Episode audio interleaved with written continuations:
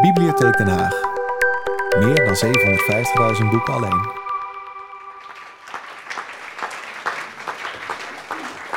Hi. Oké.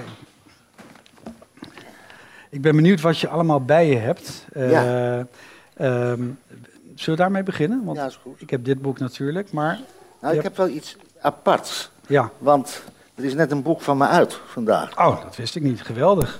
Nee, ik ook niet. Primeur, dames en heren, krijgt u allemaal hier.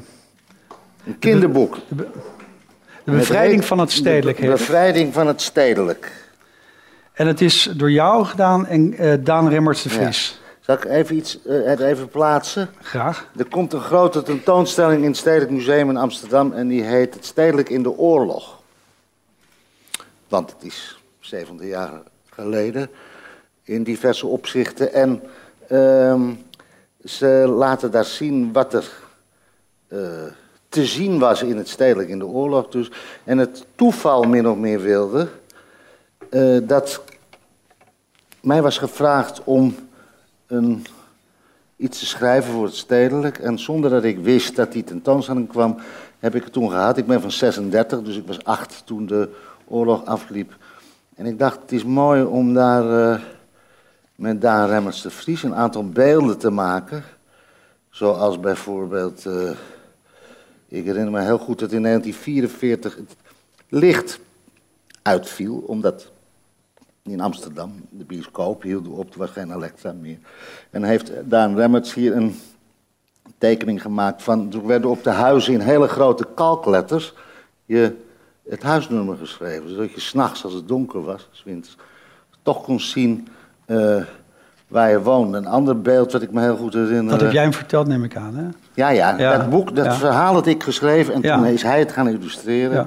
En nog een tweede beeld, dat is soms vaak eenvoudig, eh, dat, dat in de lente van 45, eh, er zat een, zo'n zonnescherm heb je waar vogels vaak een nest bouwen. En dat kwam naar beneden en het was een, eh, een nest van musseneieren zaten erin. En die nam ik mee naar mijn moeder, die ze meteen bakte, want je had natuurlijk geen eieren. Dus ik, ik herinner me nog die smaak die werkelijk een verrukking was. En het tweede deel van het boek, er staat weinig tekst in, uit meer plaatjes, is dat ik met mijn moeder naar het Stedelijk Museum ga en voor het eerst meemaak wat er daar is, is en was te zien om het nooit meer te vergeten. Mooi. Dankjewel. Mogen we een plaatje hebben? Ja, je zult misschien een beetje raar opkijken, want, eh, eh, maar dit is, eh, misschien herken je het, in een van de verhalen in je boek Voor jou komt een scène voor die ik niet kon vergeten. Volgens mij is het in Brussel, bij Sirio. Daar ben je binnen en dan zie je een vrouw, ik vertel het veel minder mooi dan het staat hoor, want je bouwt het heel mooi op. En die bestelt een biertje. En ze fotografeert het biertje, hadden we het maar hier. En dat, eh, ja, voor ze een slok neemt, na een slok nog een foto. Net zolang tot die leeg is, dan kijk jij. Dan komt er een nieuw biertje, maar dan is ze klaar met fotograferen. Daar komt dan geen verklaring. Ehm, nou, wat heb je bereikt? Dat ik dat nooit meer vergeet, het heel mooi vind. En eigenlijk, ja, eh, denk, als ik hem ooit spreek, wil ik het weten. Wat is het? Ja. Nou, zo is Dit heb ik niet verzonnen, zo is het ook gegaan. Maar het zit niet zo ver af van, voor mij, van die, eh, die huisnummers. Het zijn vaak hele geïsoleerde dingen die even je doen denken dat het eigenlijk niet mogelijk is eh, dat het bestaat. Ook zo'n mussenei. Veel van die dingen heb ik van mijn moeder. Die had een talent daarvoor om eh, dit soort dingen mee te maken. Ik herinner me dat we een keer op een tramhalte stonden. En daar stond een man op de tramhalte en die had een, het, het knaapje nog in zijn jas. Hij was vergeten dat bij het aantrekken natuurlijk gaan naar huis. Maar mijn moeder die zag dat en laat dat daar niet bij zitten. En loopt naar die man toe en zegt, meneer, weet u dat het knaapje nog in uw jas zit? Kunt u dat er niet beter, waar die man dat natuurlijk liever liet zitten, maar geen kant op eh, kon. En hing toen dat knaapje aan zo'n ijzeren kettingje tussen twee paaltjes, waar het zo'n zachtjes deinde in de wind. Ehm, je boek is, meen ik in NRC, is het een, eh, een verhalen, essay, roman genoemd. Of in ieder geval was het een, eh, een samenvoeging van, eh, van drie genres. Er staat verhalen op. Ik begreep het wel wat ze daar schreef. Ik denk zelfs dat er misschien nog wel meer genres in hadden gemoeten. Ehm, je eerste, je inleiding, presenteer je het bijna als een, eh, als een work in progress. Je, je schrijft daarin van, we gaan iets doen. Je maakt de lezer... Het was het, was het toen ook. Was het echt? Ja. Want het, ik, ja, ik, schrijf, ik, ik praat er nu een beetje impressionistisch over, maar eh, je komt in tal van steden. Je loopt mee. Je leert personen kennen doordat je met die figuren meeloopt. Of het nou Rudy Kousbroek is. Eh, je kijkt naar kunst. je gaat naar jeugdherinneringen. Je bent constant eigenlijk, word je meegevoerd door jouw blik. En nu doe ik het nog, er zit nog veel meer in. Het was zo in het begin, zei je dat. Ik noemde het work in progress. Ja, ik, ik was gevraagd eh, om iets over de eh, oorsprong van het boek te zeggen. Ik was gevraagd door een Brusselse instantie of ik eh, workshops wil geven aan de RITS. Dat is een hogeschool voor de kunsten in, in Brussel. En ik koos daarvoor om veel over film te doen, want ik heb veel met Kees Hin nog steeds gewerkt voor film. Dat is een oeuvretje apart. En dat kan je natuurlijk dan vertonen en met die studenten erover hebben. Maar tegelijkertijd eh, waren mijn twee oudste vrienden, met wie ik een, eh, toen ik een jaar of twintig was, een tijdschrift had opgericht bij Barber. Ja, we zullen ze zo zien. Hè? Ja. ja. Eh, ja, dat is het alfabet, ja. ja. Waar wij eigenlijk van alles, dat was in de jaren zestig, waar de ready-made ontstond. Ja, hier, dat is mijn handschrift. Hadden natuurlijk Is helemaal geen geld. En je, je deed het met een viltstift. En dat werd ook gestenceld. En je kon er van alles in stoppen. En je schrijft zelfs, dat is heel navrant in je boek, dat eh, Bernlef een grap maakt hè, van Bar Barber tegen kanker. Niet wetende. Voor Bar Barber tegen de kanker. Ja, dat daar en zo ze werden toen alle twee, mijn vrienden met wie ik hier, dat is Jan Hanlo, de onderste eh, van Oten. Ja, auto doel. Een paal, een paal, zo las het kind. O Nederlandse taal, wat zijt gij schoon, wat zijt gij mij bemind. Zoals nu iemands kleine zoon, een leerling van de eerste klas, uw woorden en uw klanken las. Mooi. Dat is van Jan Hanlo. Dus voor, daarboven heb je G. Brands, die schreef... Des S'morgens sta ik op, des avonds weer naar bed. Mijn wekker heb ik dan op zeven uur gezet. En daar is Henk, en die schreef... Iemand verloor een staafje goud. Ik heb het niet gevonden. En daarboven ik. En ik schreef in die tijd over een autobezitter. Er stapt een man in een auto, verricht de nodige handelingen voor het rijden en rijdt daarna dan ook inderdaad weg. Het is ook een heel aangrijpend boek, hè? omdat het eh, over je twee vrienden gaat. Op dat moment was jij in, eh, in, eh, in Brussel. Ja. Je zegt ergens iets van, ehm, ja, eh, ik kan niet terug, want het is afgesproken dat je dat zou doen. Ja, ik had een verplichting, ik had een contract getekend. Dat ik dat, eh, wat dat betreft zat er een, een, een, een, vreemde mengeling van eh, keiharde realiteit in. Want die, ik, ik, moest daar nou eenmaal workshops geven. En mijn vrienden waren ziek. En tegelijkertijd was ik met dit manuscript van dat boek, voor een, wat ik voor een groot deel klaar had. Maar ik dacht, ik zit niet steeds workshops te geven, ik kan daar ook schrijven. En eh, toen stierven zij. En toen heb ik dat, heb ik dat, dat manuscript als het ware opengegooid. Ik dacht op de een of andere manier moet wat ik nu meemaak bezig zijn met dat boek. Welke volgorde, ik moest er nog dingen bij schrijven. En wat er gebeurde, teruggaan naar Nederland voor eh, crematies, weer terug. En dan had ik me als doel gesteld, want hoe erg iets ook is, en het sterven van vrienden is erg tegelijkertijd, heb je de verplichting om ook daarover een goed boek te schrijven in de zin dat het in balans is, dat het klopt. En met het slot wilde ik ze een kans geven om aan hun, ik gebruik dan niet de dood, maar verdwijning, om aan hun verdwijning te ontkomen. Dus je stelt je al gauw toch een taak. Ja, want je schrijft, eh, je zegt het zelfs letterlijk in het boek staat, eh, Henk verdween, punt. Dat is een eh, slotzin van een hoofdstuk. En daarna krijgen ze eigenlijk een leven in het boek. Ja. Ja. Was dat het uiterste dat je voor ze kon doen? Dat...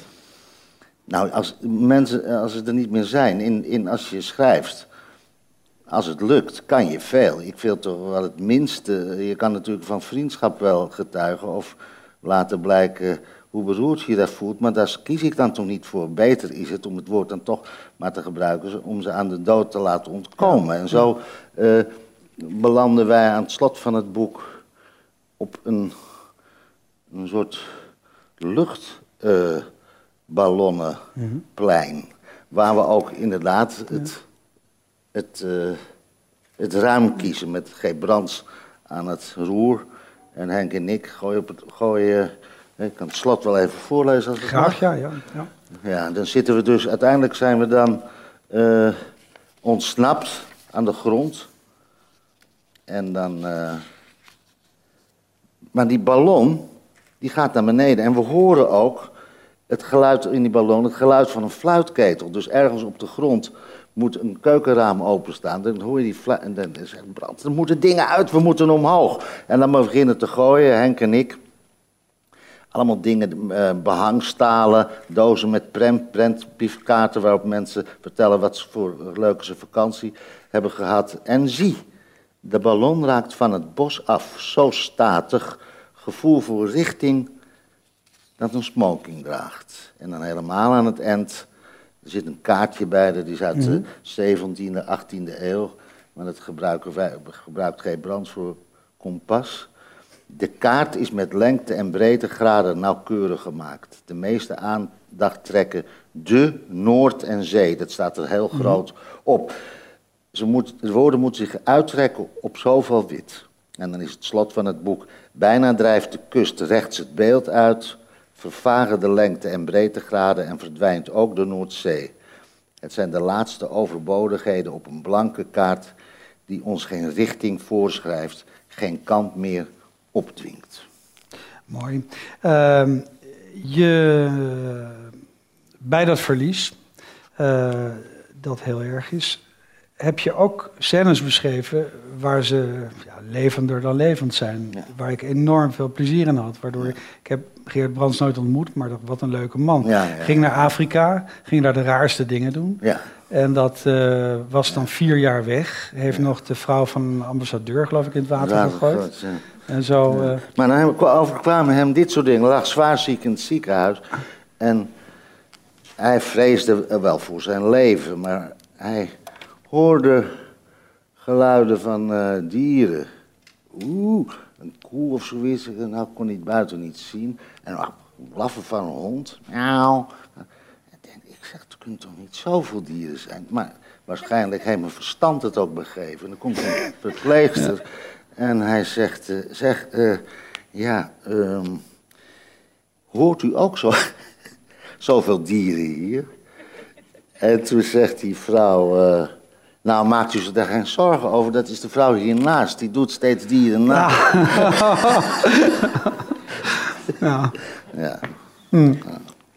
Maar goed, je beschrijft ehm, drie jongens eigenlijk, die niet alleen de literatuur uh, verkenden en bedreven, maar ook de film, de kunst, de poëzie, ja. de wereld eigenlijk bestormde. En hoe? Dus, nou ja, eh, het is wat je samen, of wat mijn vrienden betreft. Ja, die foto ken ik niet. Van ontzettend leuke foto's, zeg. Dat is geen brand, zo zag je het recht uit. We zaten met z'n drieën op school. En je had, net, je had gekregen, dat, dat is, beschrijf ik in dat boek, dat gaat er eigenlijk aan vooraf, dat toen, dat, dat is het moment geweest voor mij waar mijn ogen open gingen. Toen was de oorlog afgelopen. Toen kreeg je in één kamp de jazzmuziek. Mhm. Film, mhm. musicals uh, en het stedelijk. Dus dat was me een gebruis. Dat, dat heeft me mhm. nooit meer verlaten. Het, daar komt dat allemaal vandaan. Dat, dat, uh, dat, dat toen dan op de middelbare school zat, ja, daar staan we. Uh, toen deed je dingen ook die daar heel veel uit Amerika, waren erg pro-Amerika, de dichters ook, E. Cummings en Wallace Stevens. En, uh, en, en, en, en, later merk je dan met wat je aan het doen bent dat dit in het buitenland ook bestaat. Dan heb je Perec, George Perec, die, mm -hmm. net een nummer gemaakt van Barbara Ik speelde erop, waar alleen prentbriefkaarten in stonden uh, met van eh, veel groeten uit Mallorca en het beste, het is iets van... En dat achter elkaar, en dat had hij ook gedaan. Dus, en John Cage, die achter een piano zat met eh 4 minuten 4.33, waar het een, geen toon klonk, maar stilte was. Al die dingen, eh ook van bijna blanke eh, bladzijden in... eh Barbara, en we hebben eens een keer een behangnummer gemaakt... wat alleen uit behang Ja. bestaat, omdat het nou eenmaal er erg veel is. Dus heel reëel was. Dat bleek toen, overal bleek het te gisten en gebeurde dat soort dingen. Henk en ik hebben toen nog een boek geschreven, dat heet Een cheque voor de tandarts. En dat was Duchamp, dat was van Marcel Duchamp. Een cheque, en hij was een tandarts geweest, maar had geen cent. Zei hij mag niet een cheque tekenen en die geven. Dat is misschien, eh, dat is ook wel een leuk bedrag. Later zat die tandarts goed, want dan werd het een eh, 500.000 euro waard of zo. Ehm, je bent eh, proza-schrijver, romans, verhalen. Je bent essayist, je bent dichter en je bent kinderboekschrijver.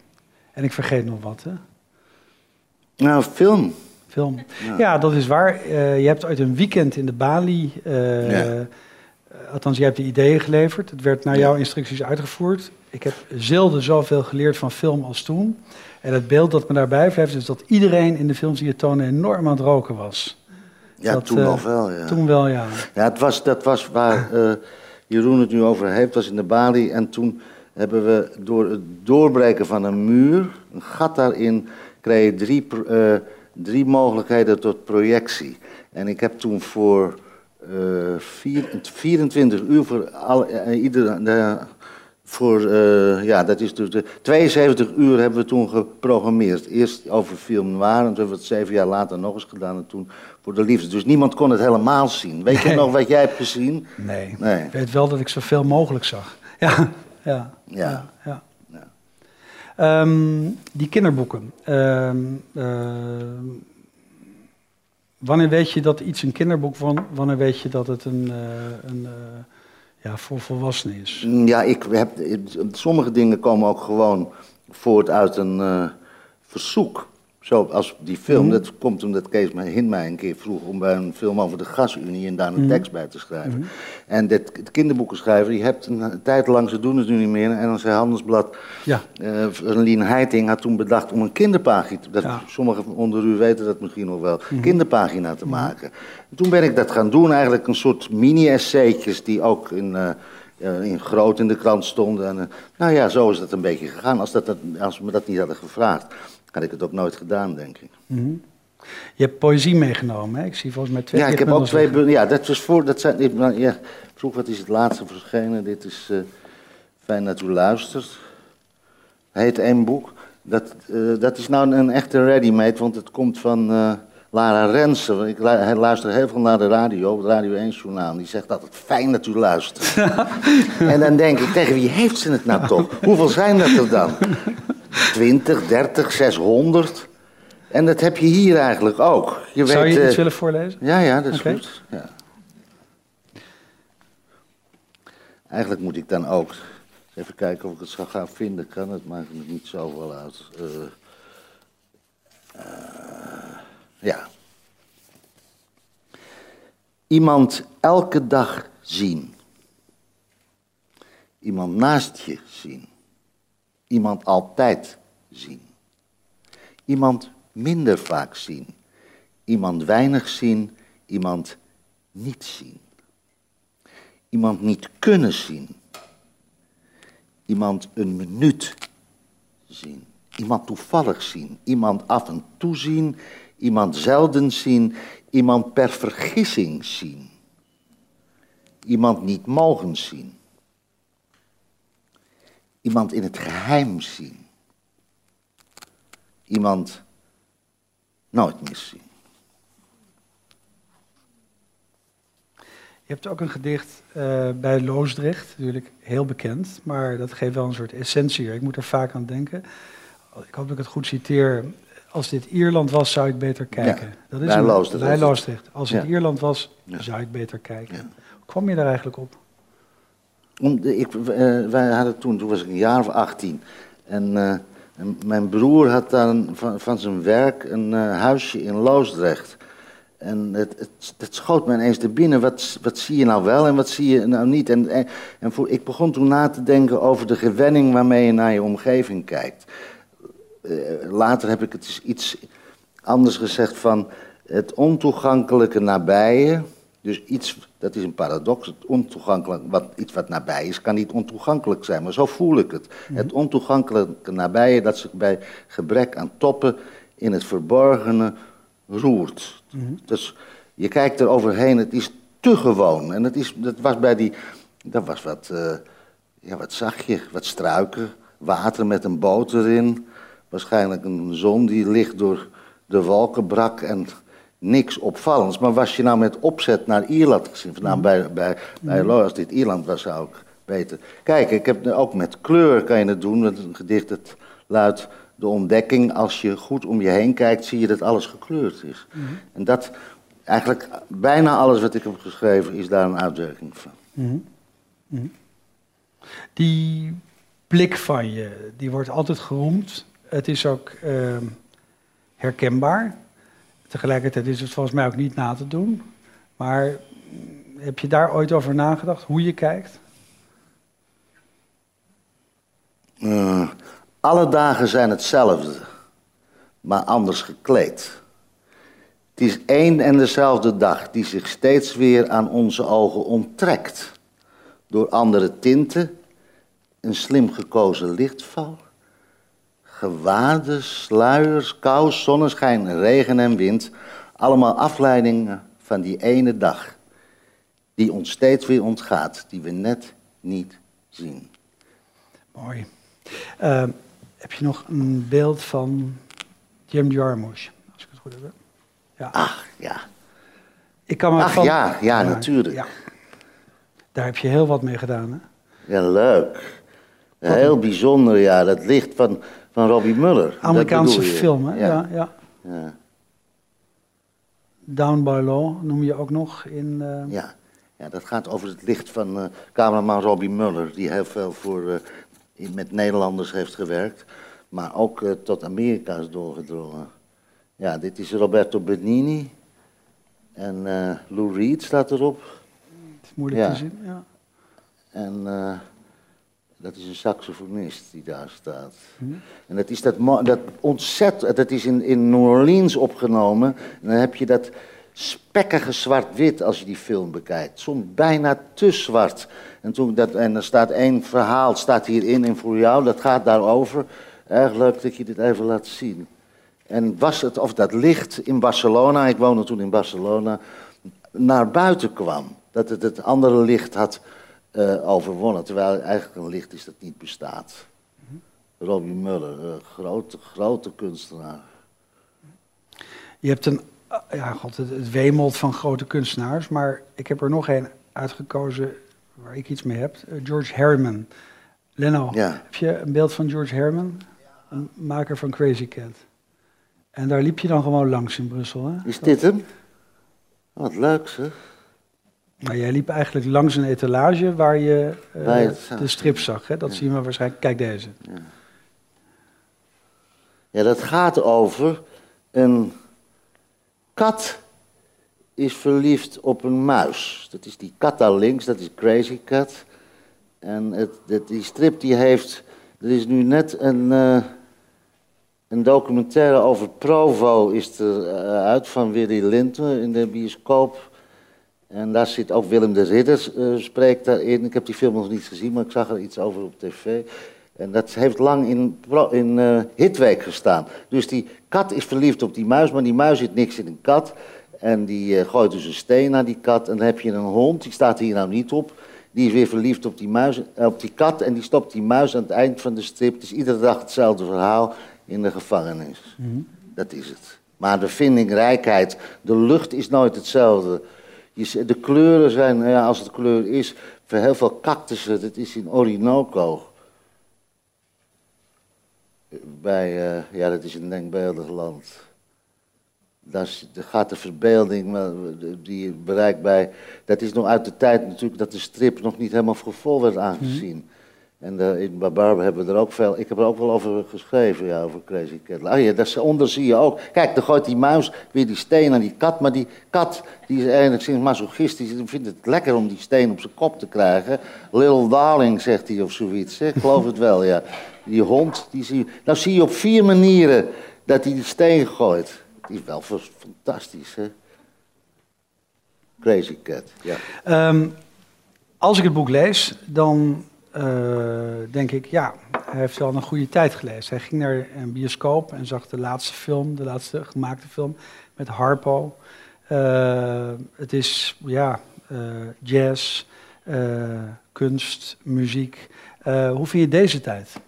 Goed. Iedere ja. tijd is goed. Maar je, omdat, je, omdat je, in je als je jongste, erg jong bent, al je meeste impulsen opdoet.